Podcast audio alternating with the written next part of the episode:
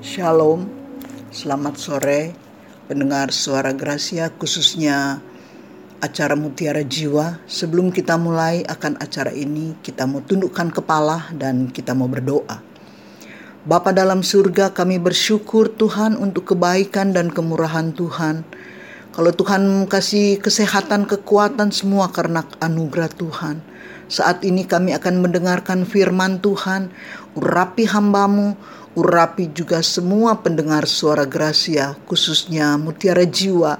Biarlah melalui firman Tuhan ada kekuatan, ada pengajaran, dan memberikan kami selalu tetap berpengharapan kepada Tuhan. Di dalam nama Tuhan Yesus, kami berdoa dan bersyukur kepadamu. Haleluya, puji Tuhan. Amin. Saudara-saudara yang kekasih di dalam Tuhan Yesus, saat ini kita akan mendengarkan firman Tuhan terdapat di dalam Mazmur 43 ayatnya yang kelima. Firman Tuhan berbunyi demikian, Mazmur 43 ayatnya yang kelima. Mengapa engkau tertekan hai jiwaku dan mengapa engkau gelisah di dalam diriku? Berharaplah kepada Allah sebab aku bersyukur lagi kepadanya, penolongku dan Allahku. Puji nama Tuhan, firman Tuhan pada sore hari ini, firman yang tidak asing lagi bagi kita semua, tetapi kita percaya firman Tuhan itu selalu baru di dalam kehidupan kita. Dan firman Tuhan ini yaitu mengapa tertekan hai jiwaku pemazmur dalam hal ini yaitu Daud merasakan bahwa hidupnya begitu tertekan, hidupnya begitu gelisah. Di dalam kehidupan anak-anak Tuhan saat ini, kita merasakan juga bahwa kehidupan kita kadangkala kita mengalami seperti apa dikatakan oleh pemazmur yaitu Daud mengatakan, "Hai jiwaku, mengapa engkau tertekan? Hai jiwaku, mengapa engkau gelisah?" Saudara-saudara yang kekasih dalam Tuhan Yesus Kristus, Mazmur 42 ini adalah salah satu Mazmur yang paling indah dari 150 pasal kitab Mazmur. Syairnya sangat indah, menggambarkan kerinduan pemazmur, menggambarkan kerinduan Daud kepada Tuhan, digambarkan seperti rusa rindukan sungai yang berair Demikian kerinduan pemazmur kepada Tuhan. Saudara, dalam pergumulan-pergumulan Daud, Daud mengalami duka, mengalami kesedihan, mengalami hari-hari yang dilaluinya penuh dengan air mata. Hanya satu yang membuat pemazmur itu lega dan bisa bersuka cita, yaitu datang ke rumah Tuhan. Mari kita baca di dalam Mazmur 42 ayat 1 sampai dengan 5. Seperti rusa yang merindukan sungai yang berair, demikianlah jiwaku merindukan Engkau ya Allah. Jiwaku haus kepada Allah, kepada Allah yang hidup. Bilakah aku boleh datang melihat Allah? Air mataku menjadi makananku siang dan malam. Karena sepanjang hari orang berkata kepadaku, "Di mana Allahmu?" Inilah yang hendak ku ingat, sementara jiwaku gundah gulana. Bagaimana aku berjalan maju dalam kepadatan manusia, mendahului mereka melangkah ke rumah Allah dengan suara sorak-sorai dan nyanyian syukur. Dalam keramaian orang-orang yang mengadakan perayaan, saudara-saudara yang kekasih di dalam Tuhan Yesus Kristus, firman Tuhan ini mengajarkan kepada kita untuk di saat kita mengalami tekanan-tekanan batin, tekanan-tekanan tekanan apa pun, kita percaya bahwa Tuhan Yesus adalah sumber pengharapan. Saudara, hari-hari ini banyak orang Kristen kehilangan sukacita dan menjalani hidup karena berbagai tekanan, berbagai persoalan, masalah, pergumulan-pergumulan dalam keuangan, keluarga, pekerjaan, bisnis, usaha apa pun sehingga membuat kita menjadi stres. pening, tidak tenang, beban-beban persoalan yang semakin berat, pikiran semakin ruwet. Berikutnya, katakan jiwanya terganggu. Di dalam jiwa kita ada tekanan-tekanan dan beban yang membuat jiwanya tertekan dan tidak ada sukacita. Saudara yang kekasih, dalam konteks ayat di atas, Daud yang sedang menjalani kehidupan yang sangat menyesakkan, sangat menyesakkan jiwanya oleh karena perbuatan-perbuatan dan tindakan-tindakan orang-orang yang tidak adil. Tidak salah Daud, tetapi para penipu dan musuh-musuhnya yang terus mengejar dirinya. Hal ini membuat jiwanya semakin tertekan. Kenapa saudara? Daud itu dikejar-kejar oleh prajurit-prajurit Saul. Padahal Daud itu tidak berbuat kesalahan apa pun. Tetapi karena Saul begitu iri kepada Daud sehingga Daud mau dibunuh dan jiwa yang tertekan dari Daud itu membuat Daud itu sangat tertekan sehingga uh, ada satu ayat yang mengatakan bahwa Daud itu uh, seperti orang gila. Jadi kita melihat bagaimana tekanan-tekanan Daud pada saat dia mengalami pelarian pelarian-pelarian itu membuat jiwanya makin tertekan. Jiwa yang tertekan membuat kita sulit untuk mengerti kehendak dan tuntunan Tuhan untuk masuk dalam hadirat Tuhan. Dan sangat sulit untuk menerima visi Tuhan dan hilang sukacita dan hilang kegembiraan dalam hidup. Apa yang harus kita lakukan ketika jiwa kita tertekan oleh berbagai persoalan? Ada tiga hal kita melihat. Hal yang pertama yaitu berharaplah kepada Tuhan. Terhadap Allah, kadangkala Allah memakai masalah-masalah untuk menarik kita lebih dekat, lebih mengerti, dan mengetahui akan dirinya. Pengalaman-pengalaman paling indah, yaitu intim bersekutu dengan Tuhan. Di saat kita dalam masa-masa sulit, seolah-olah doa-doa kita tidak didengar oleh Tuhan. Tetapi Daud memaksakan jiwanya untuk tidak tertekan dengan cara. Di tengah masa yang sulit dan sukar, supaya hanya berharap kepada Tuhan. Ketika keadaan dan situasi semakin berat, maka mata hati kita hanya terfokus kepada Tuhan dan memandang kepada Tuhan. Itu jauh lebih berarti, jauh lebih baik daripada mata hati kita tertuju kepada persoalan. Kadangkala kita kebalik, terbalik. Jadi dikatakan bahwa mata hati kita tertuju kepada persoalan, masalah yang kita hadapi, sehingga semakin stres, semakin jiwa ini tertekan. Tetapi kita belajar dari Daud, ketika keadaan dan situasi semakin berat, maka mata hati Daud hanya terfokus kepada Tuhan, memandang kepada Tuhan, berharap dan bersandar, bergantung, dan mengandalkan Tuhan untuk menolong atau melepaskan dan memberi kemenangan atas setiap masalah persoalan hidup kita.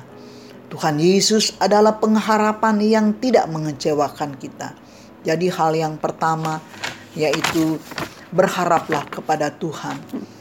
Kita mau berharap kepada manusia. Manusia sangat-sangat terbatas. Manusia penuh dengan kelemahan. Kepada siapa kita harus berharap? Apa kita mau berharap kepada suami? kepada istri, kepada anak-anak, kepada orang-orang teman-teman kita? Tentu tidak. Kita terus berharap kepada Tuhan karena Dia adalah sumber pertolongan kita dan Tuhan Yesus tidak pernah mengecewakan kita. Hal yang kedua, mengucap syukur untuk setiap peristiwa. Sikap dan respon atas atas pergumulan kita juga menyebabkan jiwa kita makin tertekan jika kita makin membiarkan emosi amarah dan bersungut-sungut, kita protes, kecewa kepada Tuhan, kita semakin tertekan alias stres. Saudara, ada kebalikan. Ada orang yang di saat mengalami masalah yang besar, masalah yang tertekan jiwanya, dia malah malah marah kepada Tuhan dia membiarkan emosinya, membiarkan amarah-amarahnya, bersungut-sungut protes kepada Tuhan, kecewa kepada Tuhan. Dan bukannya semakin ada jalan keluar, tetapi semakin tertekan jiwanya. Saudara yang kekasih, 1 Tesalonika 5 ayat 18 mengatakan, ucapkanlah syukur dalam segala hal. Katakan melalui mulut kita, Tuhan Aku mengucap syukur kepadamu untuk masalah yang besar ini. Kok ada masalah yang besar kita harus mengucap syukur? Saudara yang kekasih, hanya orang-orang yang percaya kepada Tuhan, hanya orang-orang yang mengenal pribadi daripada Tuhan, dia bisa mengatakan, dia mengucap syukur untuk masalah yang besar ini, karena di balik semua masalah yang besar ada berkat yang Tuhan sediakan buat kita. Jadi di saat kita mengucap syukur, itu adalah bukti bahwa kita bisa menerima masalah yang besar dan memahami bahwa apa pun yang terjadi itu semua adalah seizin Tuhan dan membawa kebaikan bagi kita. Masalah ini hanya sebagai bungkusnya aja, hanya di luarnya saja dan di dalamnya ada kebaikan-kebaikan Tuhan dan ada berkat-berkat Tuhan. Jadi saudara kalau masalah yang kita hadapi itu sangat berat, sangat menekan akan tubuh jiwa raga roh kita. Datanglah kepada Tuhan. Bahkan mengucap syukur untuk masalah yang saudara hadapi. Karena melalui masalah itu iman saudara semakin tumbuh, iman saudara semakin kuat, roh saudara semakin kuat, jadi kalau ada masalah jangan pernah mundur, jangan pernah putus asa sesuai dengan tema kita pada uh, sore hari ini yaitu jangan pernah putus asa. Masalah apa pun yang kita hadapi tetap berharap kepada Tuhan, tetap bersyukur setiap peristiwa apa pun Tuhan punya rencana yang indah bagi kita. Amin. Hal yang ketiga, percaya di samping ada masalah, di balik semua masalah itu ada mujizat yang Tuhan berikan buat kita. Mujizat itu masih ada. Kalau dulu Tuhan mengadakan mujizat, sekarang ini Tuhan pasti akan mengadakan mujizat. Karena mujizat itu tidak pernah terbatas. Mujizat itu adalah sesuatu pemberian yang Tuhan berikan asal kita mau setia mengiring akan Tuhan. Percaya mujizat itu masih ada. Yakinlah dalam diri kita, persoalan itu adalah cara Tuhan untuk memberikan mujizat-mujizatnya bagi kita. Apa pun penyebab masalah itu, percaya bahwa di dalam masalah pekerjaan-pekerjaan Allah akan dinyatakan dalam hidup kita. Sesuai dengan judul firman Tuhan kita, jangan pernah putus asa. Abraham sekalipun tidak ada dasar untuk berharap, namun kepercayaannya tidak menjadi lemah dan tetap percaya Allah sanggup melakukan mujizat atas dirinya. Roma 4 ayat 18 sampai 19. Penuhi hati kita dengan percaya akan janji-janji yang Tuhan berikan kepada kita yang merupakan kepastian, jawaban, dan dasar kebenaran bahwa Tuhan sanggup menolong dan Tuhan sanggup melakukan mujizat-mujizat yang kita kita inginkan. Mujizat-mujizat masih ada. Percaya saja kepada firman-Nya, maka Tuhan Yesus akan melakukan perkara-perkara yang ajaib di tengah-tengah persoalan hidup kita. Saudara yang kekasih, renungan ini menjawab segala pergumulan dan kekhawatiran Pemazmur dengan berharap kepada Tuhan. Tuhan adalah penolong. Dia mengetahui pergumulan terhad, pergumulan-pergumulan yang ada di dalam hati kita. Sehebat apa pun seorang menyembunyikan kesedihan, menyembunyikan masalah pergumulan dalam hatinya, namun di mata Tuhan semua terbuka. Tidak ada yang tersembunyi di mata Tuhan. Tuhan tahu apa yang hendak dilakukannya untuk menolong dan membantu kita.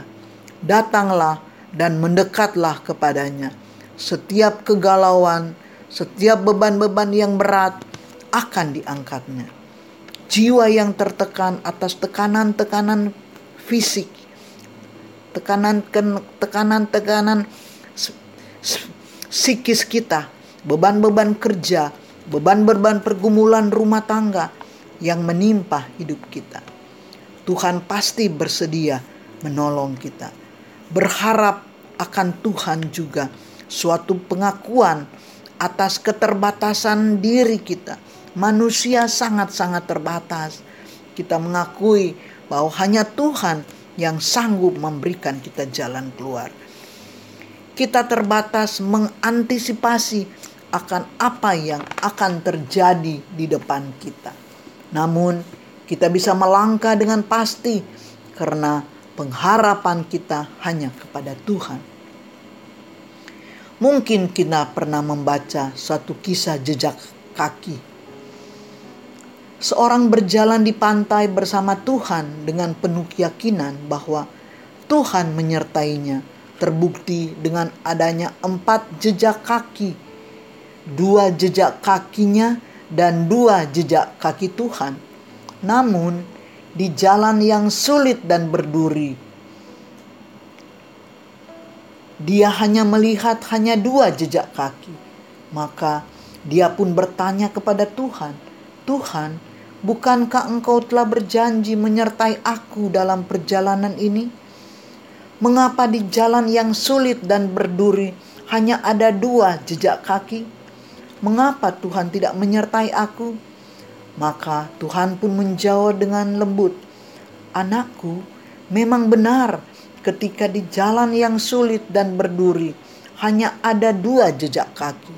Namun perhatikan, jejak kaki itu adalah jejak kaki Tuhan. Karena ketika di jalan yang sulit dan berduri, saat itu aku Tuhan menggendong engkau. Renungan ini meyakinkan kita akan pertolongan Tuhan. Mengapa engkau tertekan hai jiwaku? Dalam semua kegelisahan, kegalauan, dan berbagai hal yang membuat hidupmu tertekan. Mari datang kepada Tuhan. Jangan keraskan hatimu. Dia akan menggendong, dia akan menolong dan memberi kelegaan bagi kita. Di saat kita mengalami eh, jalan-jalan uh, yang berduri, jalan-jalan yang penuh dengan uh, masalah yang berat. Ingat, masih ada Tuhan yang mau menggendong kita, yang mau memberikan jalan keluar buat kita, dan Tuhan pasti memberikan kelegaan bagi kita. Biarlah firman Tuhan pada sore hari ini boleh menjadi berkat buat pendengar suara Gracia. Kami percaya melalui suara Gracia banyak jiwa-jiwa yang boleh dapat dimenangkan dan melalui kebenaran-kebenaran firman Tuhan kita diberikan uh, kedewasaan di dalam pengenalan akan Tuhan. Biar firman Tuhan ini jadi berkat buat kita semua. Terima kasih Tuhan Yesus memberkati. Sebelum kita mengakhiri ke, uh, firman Tuhan ini, kita akan berdoa buat uh, pendengar suara Gracia. Bapa dalam surga kami bersyukur kepadamu Tuhan untuk kebaikan dan kemurahan Tuhan. Kebenaran firman Tuhan telah disampaikan. Kami percaya roh kudus yang akan menuntun. Roh kudus yang akan memberikan pengertian yang lebih dalam lagi. Biarlah janganlah gelisah hatimu. Tetap bersyukur, tetap berpengharapan kepada Tuhan dan juga mujizat-mujizat itu Tuhan akan berikan di saat kita berpengharapan kepada Tuhan. Terima kasih Bapa, Kau berkati suara Gracia, berkati semua pendengar suara Gracia. Biarlah semua dalam keadaan sehat, semua dalam keadaan baik. Kami berdoa buat mereka dalam keadaan sakit Tuhan lawat jamah mereka. Biarlah uh, kuasa bilur Tuhan Yesus memberikan kesembuhan buat mereka yang sakit, buat mereka yang memiliki masalah rumah tangga, masalah ekonomi, masalah pekerjaan, masalah apa pun. Tuhan bukakan jalan, Tuhan beri jalan keluar. Karena Tuhan Yesus Engkau adalah sumber pertolongan kami, sumber kekuatan kami, teristimewa sumber keselamatan bagi orang-orang yang percaya. Terpujilah namamu Bapa kekal selama-lamanya. Segala puji, hormat, kemuliaan hanya bagimu Bapa. Dalam nama Tuhan Yesus kami berdoa dan bersyukur kepadamu. Haleluya, puji Tuhan. Amin.